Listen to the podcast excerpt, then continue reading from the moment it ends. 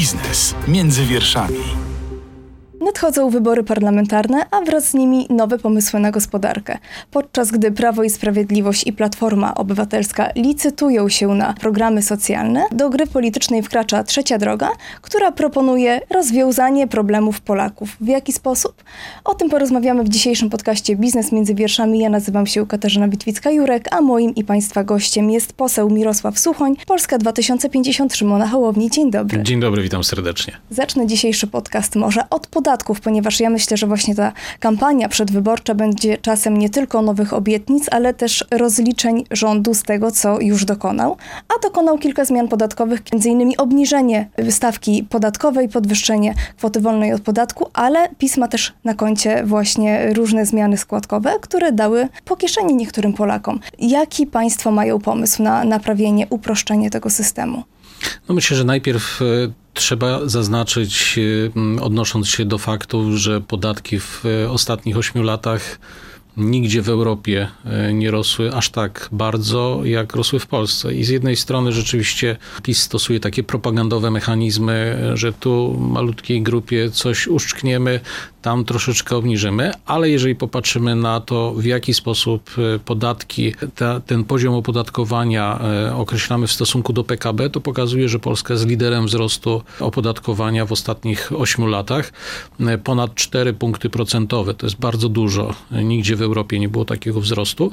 To oznacza, że gospodarka, e, nasze przedsiębiorstwa, obywatele znajdują się pod bardzo poważną presją, e, a do tego dochodzi poziom skomplikowania tego systemu. E, zaryzykuję stwierdzenie, że nigdzie w Europie nie ma tak skomplikowanego systemu i nigdzie w Europie w ciągu ostatnich 8 lat nie doszło do tak poważnego skomplikowania systemu, jak zrobił to PiS w Są Polsce. Są nawet badania na ten temat. Jesteśmy w tej niechlubnej czołówce w każdym razie.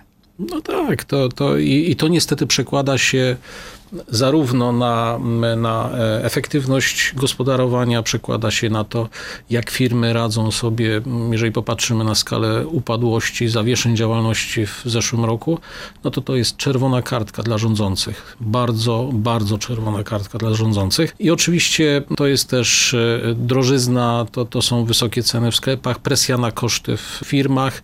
No i trochę jest tak, że w, nie można w poniedziałek mówić, że jest bardzo drogo, e, a w piątek głosować razem z PiS, podwyższając e, ten, to 500 plus do 800 plus, co spowoduje kolejną presję inflacyjną i, i drożyznę, mówiąc wprost. Więc my wyszliśmy z bardzo racjonalnym programem e, takiego zielonego światła, światła dla ludzi aktywnych, dla przedsiębiorczych, dla polskich firm, co oczywiście będzie miało bardzo pozytywne skutki dla pracowników. I po pierwsze stabilizacja, czyli koniec z tą gonitwą, koniec z tą cotygodniową zmianą przepisów podatkowych, nikt się w tym nie, nie odnajduje.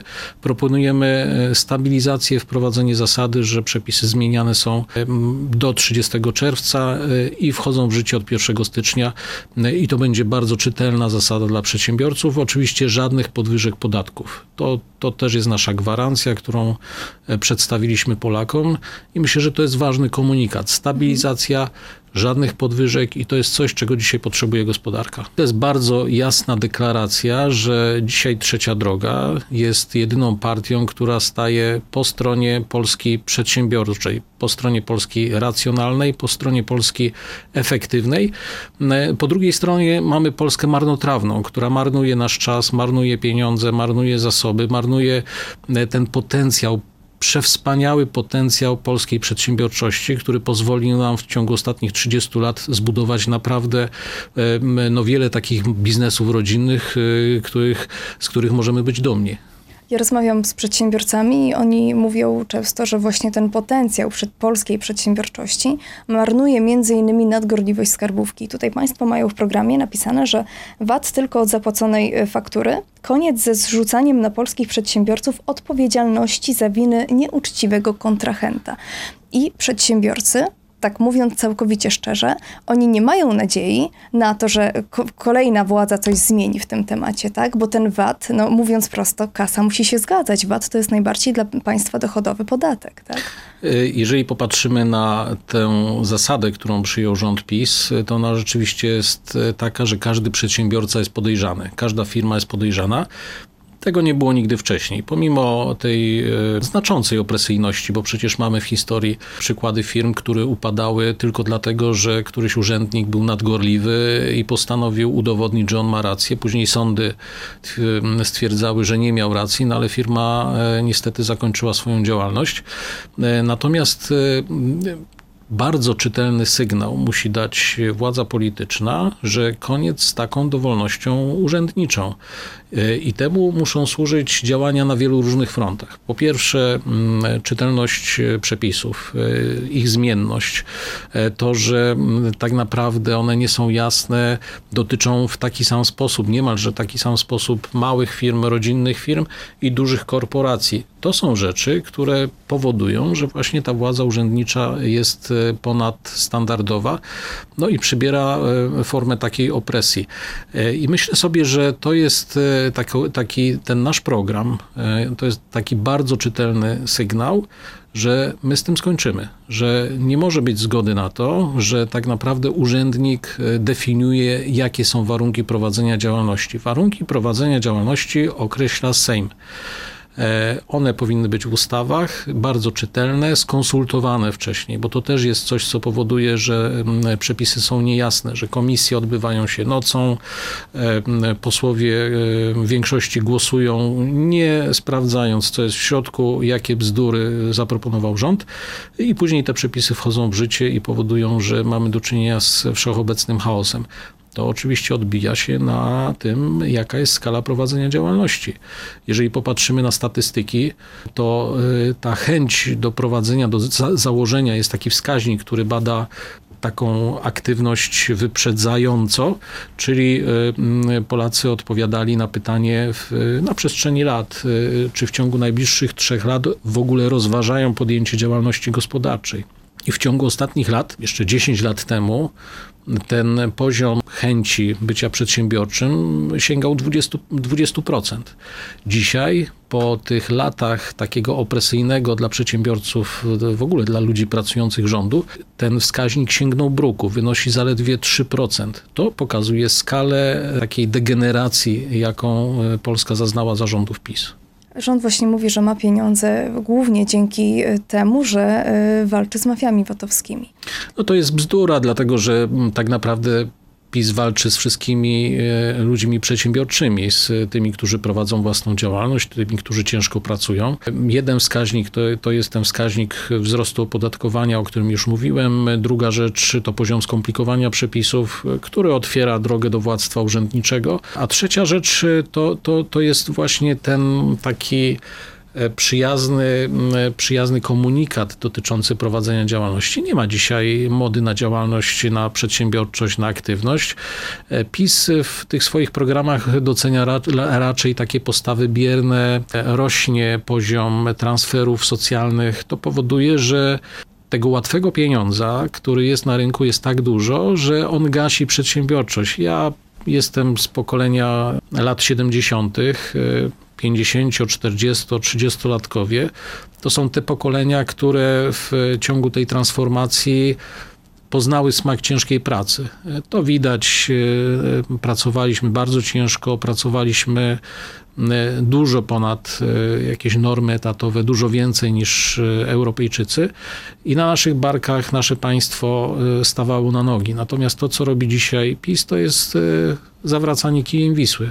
To jest docenianie tych postaw, które są absolutnie przeciwne takiemu duchowi przedsiębiorczości, który był zawsze charakterystyczny dla Polaków. Zawsze. A oni to nawet zniszczyli. To zapytam w takim razie o podatek dochodowy. Bo tutaj Państwo proponują PIT rodzinny. Natomiast istnieje ulga na dzieci, to jest ulga prorodzinna. Istnieje zwolnienie, nie wiem, rodzin 4 plus z podatku. Y, zmierzam do tego, że rodziny i tak dzisiaj mają bardzo niskie to obciążenie podatkowe. Tutaj y, raczej, jeśli mielibyśmy mówić o jakimś obciążeniu, to raczej jest, to składka zdrowotna, tak? No tak, tu musimy mm, jakby rozdzielić dwie rzeczy. Jedna rzecz y, to jest kwestia dotycząca prowadzenia biznesu i rzeczywiście jest tak, że wprowadzona w Polskim Ładzie formuła rozliczania składki zdrowotnej spowodowała wywrócenie do góry nogami założeń w zakresie jakby kwestii finansowych, biznesowych, no bo ta składka de facto stała się podatkiem. Jeżeli podliczymy te wszystkie zmiany podatkowe, to okazuje się, że w wyniku tych zmian e, przedsiębiorcy płacą wyższy podatek. Koszt tego... No tyle, roz- że rząd mówi, że składka to nie podatek, a podatki obniżamy przecież. Oni tak? żonglują tymi nazwami podatek, składka, danina i jeszcze kilka innych określeń, w zależności od tego, ale prawda jest taka, że im dłużej y, używają tym, tych, y, tych określeń, m, synonimów, y, tym większy, dłuższy staje się ich nos. No, tak bardzo okłamują obywateli. Tutaj trzeba powiedzieć wprost. E, Dzisiaj składka zdrowotna, no, nazywamy to składką, ale ma formułę podatku i, i to jest coś, co rujnuje dzisiaj biznes e, tych ludzi, którzy kiedyś postanowili prowadzić działalność gospodarczą. I to jest rzecz, e, którą Polska 2050 e, to jest nasza, nasze twarde zobowiązanie. Po prostu to zmienimy. Zmienimy władzę w wyborach i jedną z pierwszych decyzji będzie zmiana zasad rozliczania składki zdrowotnej. To jest bardzo dzisiaj poważna bariera. A na jakie zasady? E, na takie, że przedsiębiorca będzie z góry e, w stanie określić, jaki to będzie, jaka to będzie składka. Dzisiaj jest tak, że to zależy od e, sprzedaje przedsiębiorca, nie sprzedaje majątek trwały, ma dochód i jest płacona składka, natomiast my uważamy, że to nie jest właściwa formuła i, i to będzie, no nie może to być powrót jeden do jednego do tego, co było, dlatego że mamy zmienioną skalę podatkową, więc to też trzeba ująć. Natomiast rzeczywiście jest to, jest to formuła mm, jakby taka, która będzie stabilna. E, Przy tym ważny jest fakt, że ta, to, ta zmiana w Polskim Ładzie to jest wyliczenie ekspertów. Ona kosztowała polskie firmy około 15, nawet około 15 miliardów złotych. Czyli to jest e, skala zwiększonej presji fiskalnej na to, co dzisiaj jest solą rozwoju naszego państwa, na, na te właśnie małe, średnie, na te firmy rodzinne, które tak naprawdę kształtują naszą i kreują naszą gospodarkę. E, Ważną rzeczą jest, tu pani redaktor wspomniała wcześniej o kwestiach em, płynnościowych bo rzeczywiście dzisiaj mamy sytuację kryzysową związaną z płynnością firm. Potrzebujemy bardzo silnego wsparcia w tym zakresie, e, czyli jakby uwolnienia środków finansowych i my proponujemy bardzo proste rozwiązania, aby przedsiębiorcy płacili e, podatek VAT i podatek e, CIT wyłącznie od tych faktur, które są zapłacone. Bo dzisiaj jest tak, że de facto przedsiębiorcy tracą płynność, sponsorując działalność państwa. Oni, przedsiębiorcy mogą otrzymać zapłaty za fakturę bądź nie, ale i tak podatki muszą zapłacić. Więc my proponujemy zmianę tej zasady twardo, e, że płacimy VAT i CIT dopiero po tym, jak faktura zostanie zapłacona. E, I warto powiedzieć tutaj dwa słowa o tej, o tej kontroli e, podatkowej, która która jakby uderza w, w te podstawy prowadzenia działalności, że jednak no dzisiaj jest tak, że urząd e, wchodzi do przedsiębiorcy i mówi: e, pokaż, że nie popełniłeś przestępstwa. Ale do momentu, do którego przedsiębiorca wykaże i przedłoży wszystkie, on jest uznawany za przestępcę. Za podejrzanego. Tak, za podejrzanego. Znaczy za przestępcę, no podejrzanego. Mo, moim zdaniem to jest jasna klasyfikacja. I to też zmienimy. Znaczy, to urząd będzie musiał udowodnić, że przedsiębiorca popełnił wykroczenie. I wtedy rzeczywiście będzie mogło dojść do blokady, do tych wszystkich działań. Bo dzisiaj tak naprawdę to działa według takiej starej ruskiej zasady. To wprowadził rząd PiS. Pokaż mi przedsiębiorcę, a ja znajdę e, odpowiedni przepis, żeby tego przedsiębiorcę ukarać. Tak być nie może. Stanowczo, stanowczo nie jest to e, formuła, która powinna być używana w demokratycznych państwach i, i to, też, y, to też z tym też się pożegnamy. Wrócę jeszcze do podatku dochodowego. Chciałabym zapytać o y, zasadność wprowadzania właśnie rodzinnego PIT-u, bo tutaj mają Państwo taką zasadę, im więcej dzieci, tym niższe podatki. Tak, Ale to i to już jest- istnieje. E, Nie, nie do końca, dlatego że dzisiaj istnieje mm, taka formuła ulgi e, na dziecko. E, Ta ulga jest e, taka sama od wielu lat, nie była waloryzowana, natomiast my- ten system, który my proponujemy, on będzie umożliwiał wspólne rozliczanie się rodziców z dziećmi, czyli im więcej dzieci w rodzinie, tym dochody rozkładają się na większą grupę osób i tym zobowiązania są niższe. I to oczywiście mniej będzie dotyczyć tych rodzin, gdzie są, jest mniej dzieci po pierwsze. W oczywisty sposób będzie dotyczyć osób, które mają niższe dochody, ale już przy tych średnich dochodach to będzie zauważalna korzyść dla podatnika. I to jest takie rozwiązanie, które sprawdziło się na przykład we Francji. Tam jest PIT rodzinny i ten PIT rodzinny spowodował, że, mm, że rodziny jakby zobaczyły w tym bardzo, bardzo taki wspierający dzietność mechanizm, wspierający, y, bo, bo, rzeczywiście no dzisiaj jest tak, że może być kwota waloryzowana bądź nie. W naszym państwie przyzwyczailiśmy się do tego, że politycy nie chcą waloryzować y, ani progów podatkowych, ani tych właśnie na przykład ulg na dzieci, co jest skandalem i to też Chociaż trzeba ostatnio zmienić. mamy przełom. Bo i progi podatkowe, i 500 plus na przykład. Zbliżają się wybory i, i opcja obecnie rządząca już chwyta się brzytwy. Natomiast y, ten mechanizm, który, który my proponujemy, on docenia przedsiębiorczość, bo, bo nie ma tam progu, że jeżeli osiągniesz tyle a tyle, no to i tak nic z tego wspólnego rozliczenia. My mówimy nie. Niezależnie ile zarabiasz, ale jeżeli chcesz mieć dzieci, jeżeli masz tych dzieci, nie wiem, masz jedno, masz dwoje, masz troje, taka jest Twoja decyzja, ale my jako państwo proponujemy Ci bardzo prostą, czytelną, jasną zasadę, że cały Twój dochód, niezależnie od tego, ile zarobisz, będzie rozłożony na wszystkich członków Twojej rodziny, na wszystkie Twoje dzieci i to jest coś, co jest czytelną zasadą i coś, co też jest takim wyjściem naprzeciw ludziom aktywnym i przedsiębiorczym. Nie ma progu. Jeżeli jesteś aktywny i przedsiębiorczy, posiadasz dochody, masz dzieci, to my uznajemy, że to jest bardzo dobry, bardzo dobry pomysł. Doceniamy tę Twoją postawę i dzięki temu możesz korzystać z tego przywileju, który, który, który jest w systemie podatkowym. Sprawdziło się to we Francji, jestem przekonany, że sprawdzi się w Polsce. Bo oczywiście to od razu powoduje, że jest więcej pieniędzy w rodzinie, na kredyt, na zakup mieszkania, na to, żeby pojechać na wakacje. Dzisiaj widzimy, że to jest potężny problem, żeby dzieci wysłać na wakacje, bo, bo Polacy czują tę drożyznę, czują tę presję inflacyjną. I to jest coś, co, co na przykład takim rozwiązaniem, które proponujemy, można walczyć. Mhm. Ale byli Państwo przeciwni na przykład waloryzacji 500.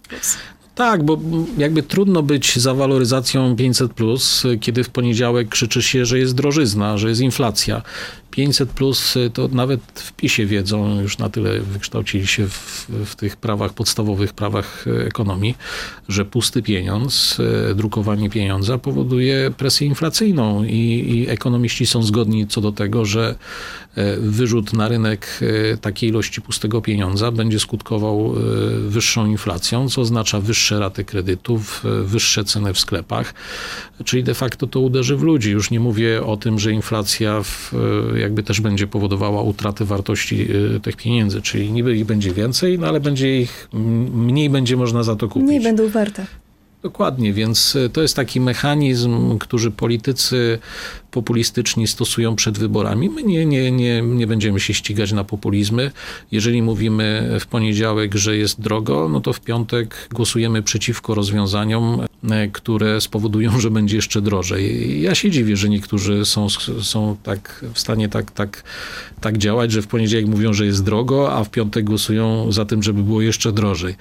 To nie jest dobra metoda. No, konsekwencja to nie jest zwykle domena polityków. Nie, ale trzecia droga jest konsekwentna. Zresztą na chwilę od gospodarki, jeżeli popatrzymy na, na, na konsekwencje trzeciej drogi, to ona jest bardzo widoczna. Najpierw merytoryka, czyli wspólna lista spraw, kwestie gospodarcze, kwestie wsparcia transformacji energetycznej, kwestie wsparcia w zakresie edukacji, czyli tych rzeczy, które są ważne w, w gospodarce, którzy, które przynoszą wartość dodaną. Później umowa koalicyjna i idziemy do wyborów bardzo konkretnie, bardzo, bardzo tak spójnie, myślę. To, to jest też wartość dodana. Do polityki jeszcze na pewno wrócę, natomiast teraz jeszcze słowo na temat 500. Czy gdyby Państwo doszli do władzy, co by się stało z tym świadczeniem? Załóżmy, że ono już i tak y, będzie zwaloryzowane od 1 y, stycznia do y, 800 zł. Znaczy tu jest bardzo prosta i czytelna zasada. 500 plus jest Uznajemy, że to jest prawo nabyte. Uznajemy, że to jest coś, co rodziny, polskie rodziny wliczyły w budżet domowy. Ja powiem tak, Nikt poważny, nikt rozsądny, nikt odpowiedzialny nie mówi dzisiaj o likwidacji tego świadczenia. Słychać gdzieś tam głosy niektórych polityków, ale to są politycy, którzy e, obiecują likwidację opieki zdrowotnej, likwidację e, transportu publicznego, de facto likwidację edukacji. No, tak, taki Kononowicz plus bym powiedział. E, I oni oczywiście dzisiaj mówią zlikwidować wszystko, nie, nie będzie niczego. niczego. Tak, tak. tak. No, to jest taki, powiedziałbym, partia Kononowicz plus. Natomiast my podchodzimy odpowiedzialnie. Jeżeli coś jest prawem nabytym, no to w demokratycznym państwie absolutnie nie ma możliwości e, do tego, żeby to zostało w jakiś sposób wycofane. Zresztą nie ma nawet, poważne, poważne partie na ten temat nie dyskutują. E, natomiast oczywiście będzie to oznaczało e, wzmocnienie presji inflacyjnej. Nawet politycy PiS, jak powiedziałem, to zrozumieli. Natomiast my na pewno będziemy wdrażać takie rzeczy, które sprzyjają jednak redukcji inflacji i tutaj bardzo silne wsparcie dla inwestycji. Dzisiaj poziom inwestycji wynosi w granicach 16 13,8%, no to jest dramat. To jest e, coś, co powoduje, że jeżeli popatrzymy w przyszłość, no to zastanawiam się, z czego my będziemy tę naszą gospodarkę rozwijać. Motorem wzrostu PKB przez ostatnie lata był eksport. Ten eksport brał się właśnie z inwestycji, z innowacyjności, z tego, że zmienialiśmy, transformowaliśmy gospodarkę. Eksperci mówią nawet o tym, że za, za ostatnią dekadę te, te, te właśnie eksport powodował czy skutkował wzrostem PKB w granicach, to, to było odpowiedzialne za dwie trzecie tego wzrostu PKB, czyli widzimy, jak bardzo jest istotny ten czynnik e, inwestycyjny wyprzedzający, który jest motorem rozwoju gospodarczego. To doskonale było widać e, przy spowolnieniu na, e, u naszych partnerów gospodarczych, że tam dosyć mocno my wtedy ucierpieliśmy, bo ta wartość dodana, nasza wartość dodana, która, która była eksportowana, ona niestety z uwagi na spowolnienie znacząco się zredukowała. Natomiast rzeczywiście e, priorytetem są inwestycje. I to są inwestycje e, jakby w, tak upraszczając i w bazę projektową, w produktową, tak, czyli w, w moce wytwórcze, w inwestycje, e, ale to są też inwestycje w edukację. To jest, takie, to jest taki obszar, który jest no, tak bardzo niedoceniany w Polsce, że, że mm, naprawdę aż trudno o tym rozmawiać, dlatego że jeżeli popatrzymy na ostatnie 16-18 lat, to w stosunku do PKB nakłady na edukację spadały. Z około 6%, dzisiaj to jest 4,9%, co pokazuje, że mm, żaden rząd w ostatnich latach nie przykładał należytej wagi do tego, te, tego obszaru, a on jest istotny z punktu widzenia po pierwsze szans obywateli na, na osobisty rozwój, ale też jest niesłychanie istotny dla nas, naszego rozwoju gospodarczego. Wzrost wydatków na PKB o 1% to jest około 0,9% PKB więcej mniej więcej w mhm. perspektywie dekady.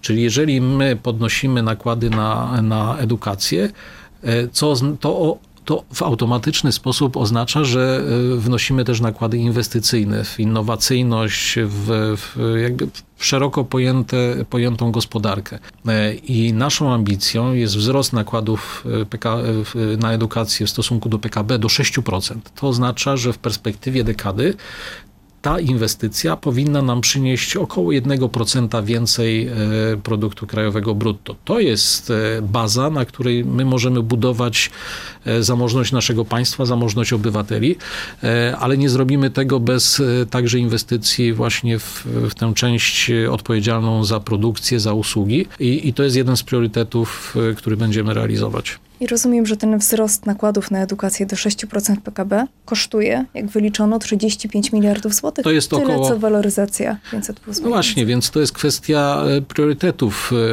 E, jeżeli popatrzymy troszeczkę wstecz w ostatnie 8 lat, no to widzimy wyraźnie, że została, że PiS przyjął taką filozofię, że zwija państwo, zwija usługi publiczne, zwija edukację, ochronę zdrowia. W zamian za to przenosi te środki na transfery socjalne i radźcie sobie sami.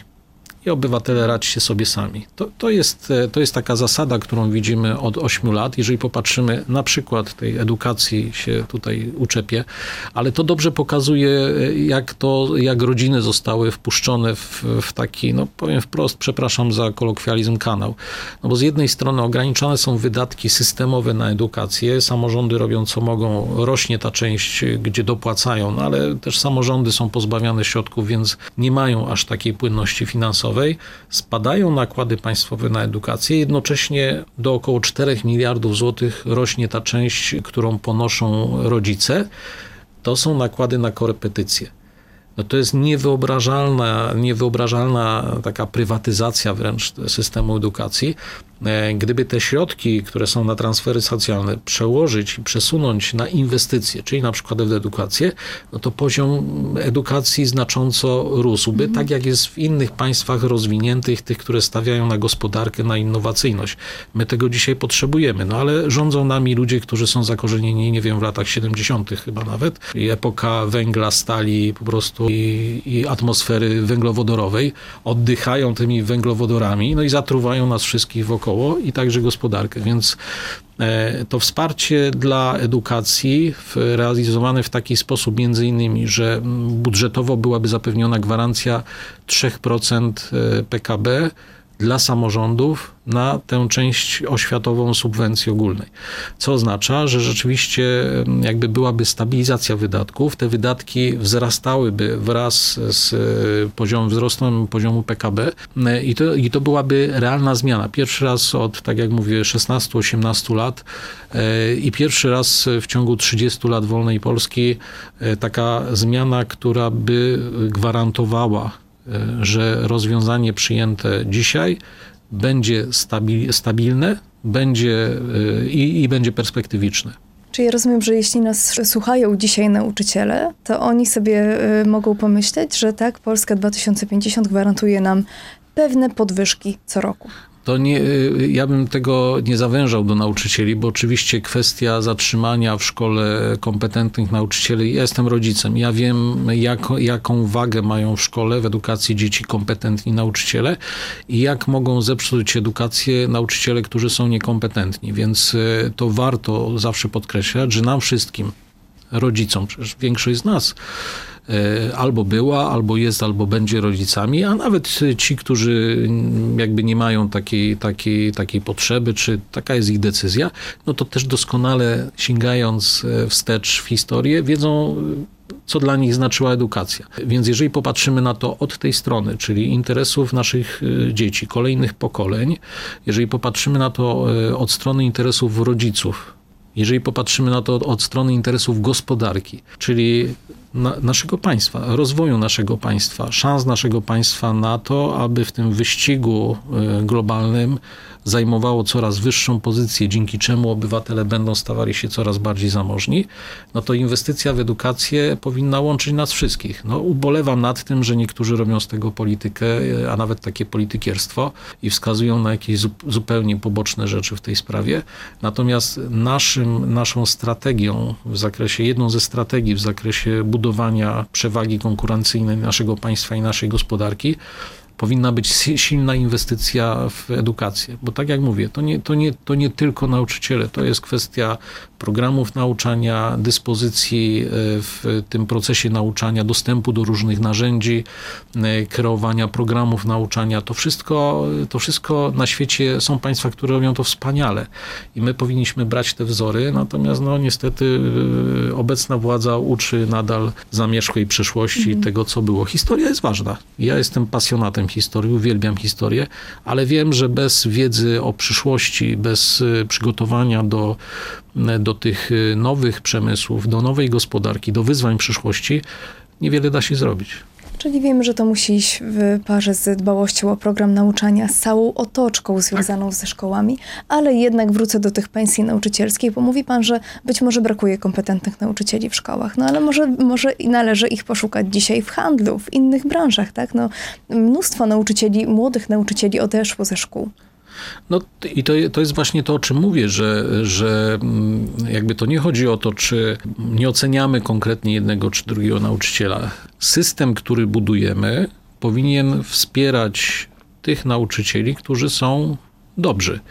To oczywiście wymaga e, z jednej strony budowania prestiżu zawodu nauczyciela. To się dzieje na różny sposób. Także wtedy, kiedy władza wypowiada się z szacunkiem o danej grupie zawodowej, to przyczynia się do wzrostu prestiżu tej grupy zawodowej. Jeżeli władza postponuje, jeżeli wykorzystuje politycznie i stosuje taki język nienawiści, to wtedy część obywateli, u części obywateli no jest taki odruch, że ten prestiż jest odbierany jako niższy. I na pewno z jednej strony szacunek, mówienie z szacunkiem o ludziach, którzy pracują, w tym przypadku nauczycielach, powoduje wzrost prestiżu tego, tego zawodu, ale niezmiernie ważna jest również kwestia wynagradzania. Bo tam, gdzie znowu przykłady świata, tam, gdzie mm, edukacja jest ważnym obszarem funkcjonowania państwa, tam te pensje są odpowiednio wysokie. To powoduje, że do zawodu nauczyciela zwiększa się napływ ludzi kompetentnych, tych, którzy e, no, gwarantują także swoimi zasobami e, to, że ten proces edukacji będzie prowadzony na wysokim poziomie. No, na pewno nauczyciel nie powinien być, e, zawód nauczyciela nie powinien być takim zawodem ostatniego wyboru, a wiemy, że przez e, wiele ostatnich lat w Polsce, z uwagi między innymi na kwestie wynagradzania, ale nie tylko, zawód nauczyciela no, nie cieszył się, powiedziałbym, zainteresowaniem tych absolwentów, którzy mogliby gwarantować tę naprawdę najwyższą jakość. Jest wielu nauczycieli w Polsce i myślę, że to jest większość, e, przytłaczająca większość wspaniałych, kompetentnych, ale wielu z nich dzisiaj zastanawia się, czy nie rzucić tego wszystkiego, przepraszam, w trzy diabły e, i nie zająć się czymś, co, co jest e, bardziej efektywne z punktu widzenia angażowania także ich i, i zawodowego, i emocjonalnego. Przecież nauczyciel to jest bieżący kontakt z najmłodszymi obywatelami naszego państwa. To też wymaga specyficznych kompetencji. Więc jeżeli chcemy, aby nasze dzieci były edukowane w taki bardzo kompetentny sposób i otrzymywały najwyższej jakości usługę edukacji, która da im szansę w życiu, to jakość kadry pedagogicznej ma tutaj kolosalne znaczenie i rzeczywiście trzecia droga chce, aby jakość, żeby wspierać tę jakość, wspierać dobrych nauczycieli i wspierać te grupy, które gwarantują wysoką jakość. A czy widzi Pan poprawę jakości usług publicznych? Mam na myśli tutaj innymi szpitale, przychodnie i tak. Mamy od 1 stycznia 2022 roku e, Polski Ład, który zwiększył obciążenia składkowe, co było motywowane szczytnym celem, tak? Robimy to po to, żeby żyło nam się lepiej, żebyśmy nie czekali e, kilka lat w kolejce do lekarza, na przykład do specjalisty. I tutaj Państwo też mają jakiś pomysł na e, rozwiązanie tych problemów. No tutaj rzeczywiście my, Polska 2050 przygotowała cały program zdrowotny, który jest no, niesłychanie przekrojowy tak obrazowo można powiedzieć, czy, czy, czy precyzować takimi, takimi obrazami. Po pierwsze, chcemy, żeby opieka pacjentów, e, także w tym zakresie specjalistycznym, który nie wymaga bardzo gruntownej konsultacji specjalistycznej, odbywała się na poziomie e, podstawowej opieki zdrowotnej. Bo czasem jest tak, że lekarz podstawowej opieki zdrowotnej jest po pierwsze wystarczająco kompetentny do tego, żeby w tych e, mniej istotnych sprawach zdrowotnych po zasięgnięciu doradztwa specjalisty wybrać odpowiedni sposób terapii. Dzisiaj te choroby cywilizacyjne, które bardzo często e, kierują nas do specjalistów, są chorobami powszechnymi, gdzie ta ścieżka terapeutyczna powiedzmy, że jest w miarę rozpoznana i e, można ją stosować w sposób e, odpowiedzialny na poziomie właśnie podstawowej opieki zdrowotnej. Druga rzecz, proponujemy również takie rozwiązanie, które jest związane z czasem oczekiwania na wizytę u specjalisty.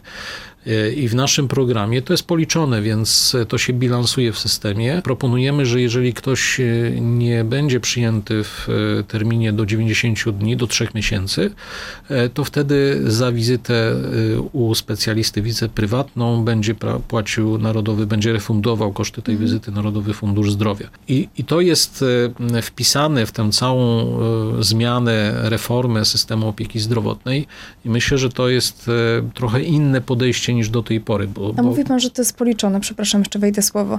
Policzone to znaczy, że nie trzeba będzie dodatkowych nakładów, żeby ludziom zwrócić znaczy, te to, pieniądze? No i to jest, to jest problem, z którym generalnie borykamy się w Polsce, bo rzeczywiście z nakłady na ochronę zdrowia w Polsce z tej części budżetowej, one nie są dzisiaj jakoś tak spe, specjalnie wysokie i odbiegają znacząco od nakładów w innych państwach. My na dzień dzisiejszy nie mówimy o, o wzroście obciążeń z tego tytułu, natomiast z pewnością to jest dyskusja, którą powinniśmy przeprowadzić w bardzo szerokiej debacie publicznej. Natomiast jest wiele obszarów marnotrawstwa, na przykład taki fundusz zdrowotny, który z inicjatywy pana prezydenta został uchwalony, pomimo tego, że miał finansować terapię na przykład dla najmłodszych, którzy, którzy są y, najmłodszych obywateli naszego państwa, bardzo dramatycznie chorych na wyjątkowe choroby. No, okazało się, że nadal są w, w Polsce Polsce.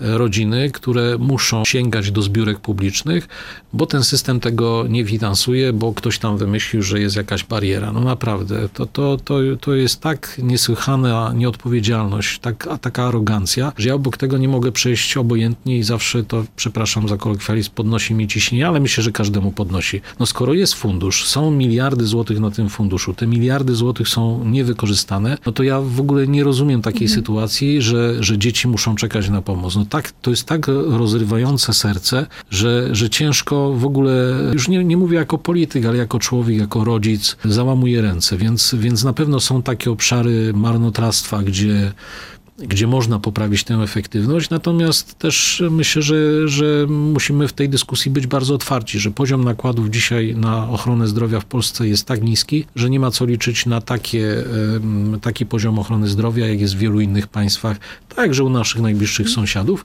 Co więcej, ta obecna władza, PiS, oszukał obywateli, mówiąc, że te nakłady wzrastają jakoś znacząco, dlatego że e, w ustawie jest zapisany mechanizm, co prawda, powolnego wzrostu, ale w stosunku do PKB sprzed dwóch lat.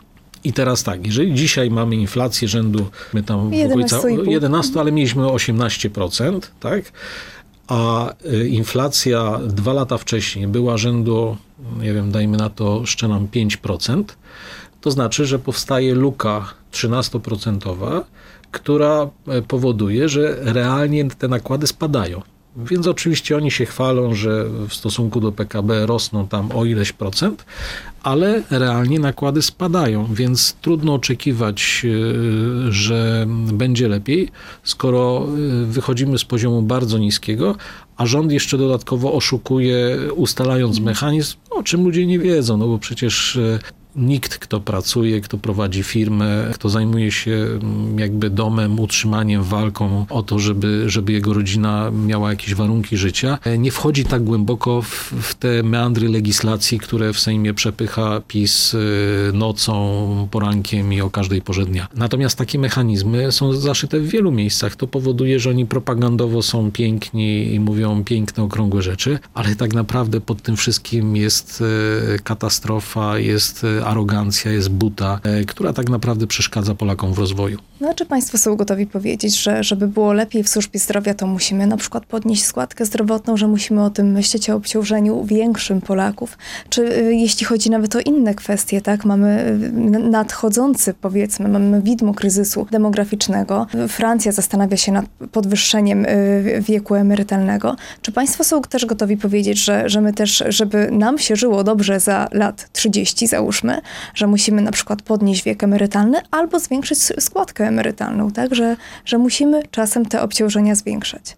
Znaczy my, my, po pierwsze nie ma takiej propozycji i nikt o tym nie mówi, żeby zwiększać poziom opodatkowania. Co więcej, gwarancja, jedna z gwarancji trzeciej drogi jest taka, że przez najbliższe lata będziemy strażnikami tego, aby politycy nie podnosili podatków. I to, i to jest gwarancja trzeciej drogi. Myślę, że jeżeli ktoś szuka takiej formacji, która wreszcie to ustabilizuje, która racjonalnie podejdzie do, do wydatków publicznych i z pełnym zrozumieniem dla całego spektrum będzie broniła i gospodarki, i ludzi, którzy ciężko pracują, no to to jest właśnie trzecia droga. I za każdym razem e, wierzę głęboko w to, że, że nastąpi zmiana władzy, e, bo e, PiS już naprawdę jest przy takiej ścianie i my jesteśmy przy takiej ścianie, że trzeba zmienić władzę. I, ale też żeby Państwo pamiętali, że trzecia droga to będzie e, formacja, która zawsze wtedy, kiedy pojawi się pomysł jakiegokolwiek e, podwyższenia podatków,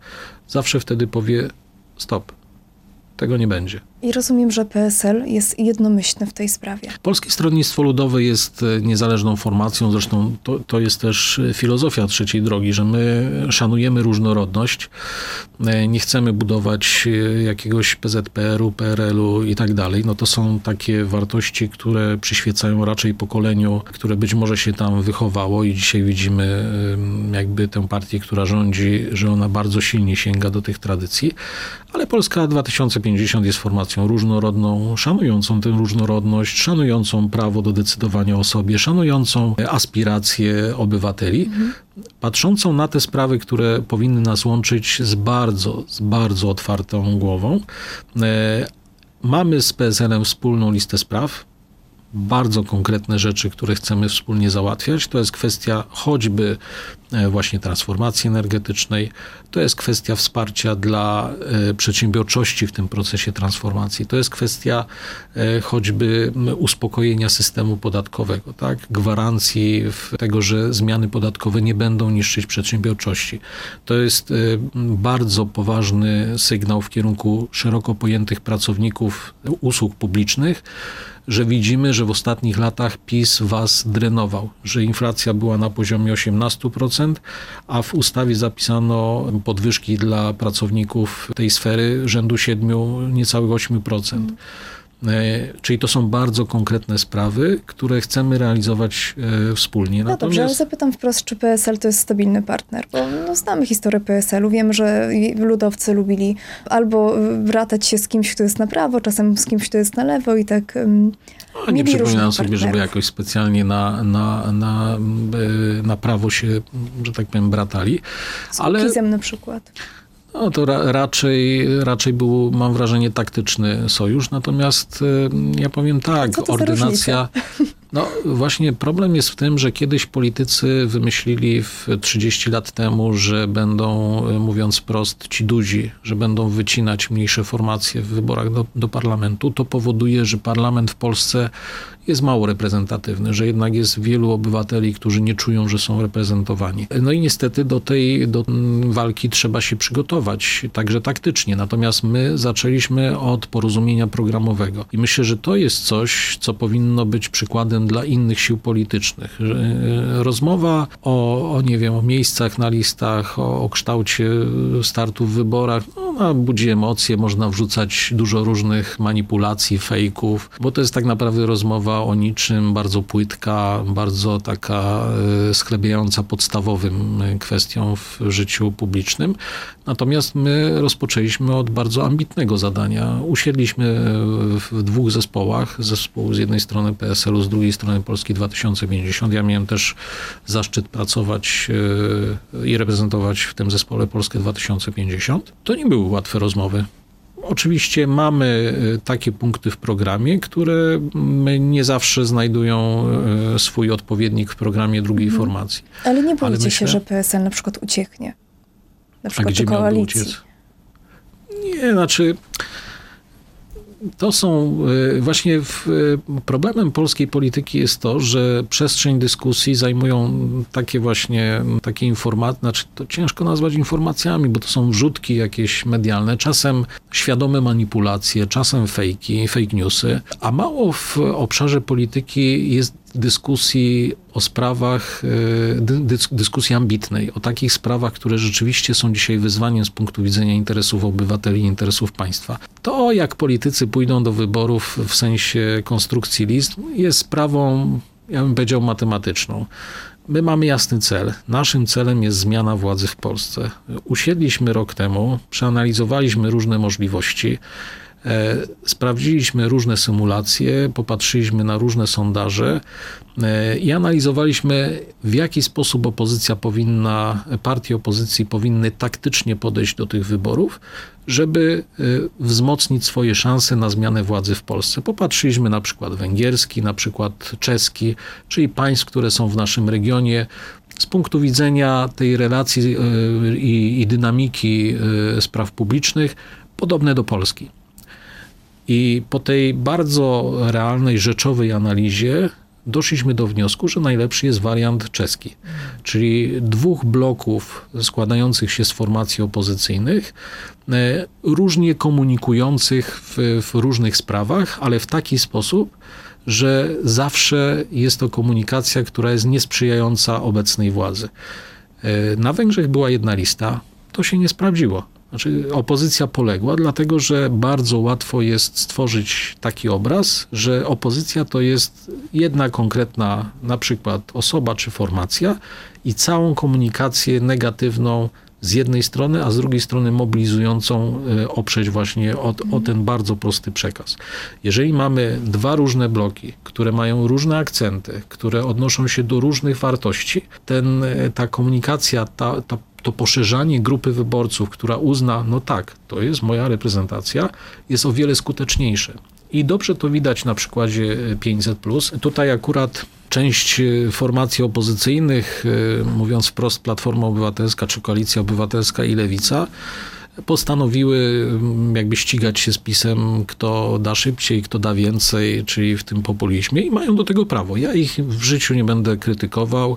To jest ich strategia, to jest ich polityka, z czegoś ona wynika. Nasza polityka jest inna. Nasza polityka wynika z odpowiedzialności za tę ciężką pracę ludzi. Nasza polityka wynika z troski o to, żeby e, zwalczyć drożyznę. My w poniedziałek mówimy, że jest drogo to w piątek głosujemy przeciwko rozwiązaniom, które powodują, że jest jeszcze drożej. I to jest schemat, który uważamy za korzystny z punktu widzenia opozycji, czyli rozróżnienie merytoryczne, które odnosi się do wartości, których, y, na które mogą oddać głos wyborcy. My wspieramy przedsiębiorczość, my mówimy, że ludzie ciężko pracują, żeby utrzymać swoje rodziny, mówimy o tym, że matki chcą dobrego wykształcenia dla swoich dzieci, bo wiedzą, że w tym jest szansa. My mówimy na przykład o tym, że jeżeli rodziny, dwie rodziny pokoleniowe, dwa pokolenia mieszkają w jednym domu, no to powinny y, ten ten y, obszar związany z tańszą energią mieć mnożony przez ilość pokoleń, przez ilość gospodarstw domowych. PiS mówi nie, nie, są przeciw rodzinom. My jesteśmy za rodzinami. A to jeszcze na koniec zapytam o kwestie stricte gospodarcze. Czy Polska 2050 wraz z PSL-em, czyli trzecia droga, pójdzie w stronę bardziej takiej wolnej Amerykanki, że cytując klasyka, damy wam tyle wolności, ile to możliwe, czy raczej w stronę takiego protekcjonizmu, czyli transfery socjalne, podatki, państwo opiekuńcze, mówiąc krótko. Nasza polityka jest odpowiedzialna. Jeżeli popatrzymy na skutki transferów e, socjalnych, e, które, przepraszam znowu za kolokwializm, e, są rozrzucane z helikoptera i mm, Państwo wiedzą, mają sięgać szeroko i daleko, e, no to one są druzgocące, powodują wysoką inflację, powodują dezaktywizację zawodową, powodują no niestety wszystkie te smutne skutki, które widzimy nie tylko w Polsce, ale w wielu państwach całej Europy e, i to nie jest dobra droga. E, Polska zawsze słynęła z przedsiębiorczości. Polacy są narodem, który brał sprawy w swoje ręce i myślę, że dzisiaj to, czego potrzebujemy, to dać nadzieję na to, że to jest droga, jeżeli którą podążasz, to my Cię będziemy w tym wspierać. My będziemy tworzyć takie warunki, żeby one nie przeszkadzały.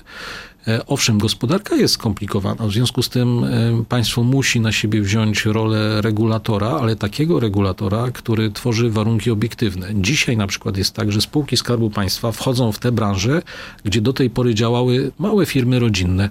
Czyli ktoś prowadził od 30 lat firmę, e, budował ją, chce ją zostawić swoim dzieciom, ma ten obszar działalności i nagle przychodzi PiS, nominaci PiS spółka Skarbu Państwa, oni mówią, nie, a teraz my to bierzemy.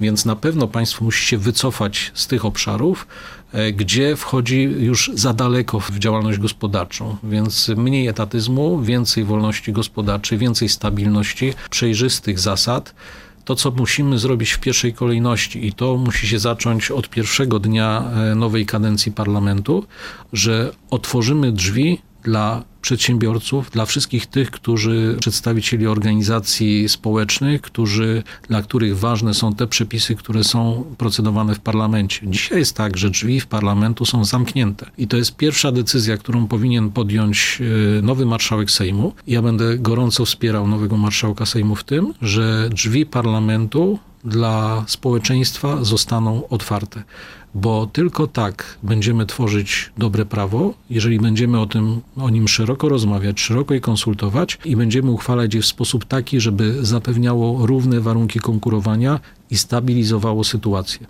Dziękuję bardzo, trzymamy za słowo. Mówił Mirosław Suchoń, Polska 2050 Szymona Hołowni. To był podcast Biznes między wierszami. Ja nazywam się Katarzyna Witwicka-Jurek. Dziękuję bardzo i do usłyszenia. Dziękuję bardzo. Biznes między wierszami. Więcej podcastów na player radioz.pl.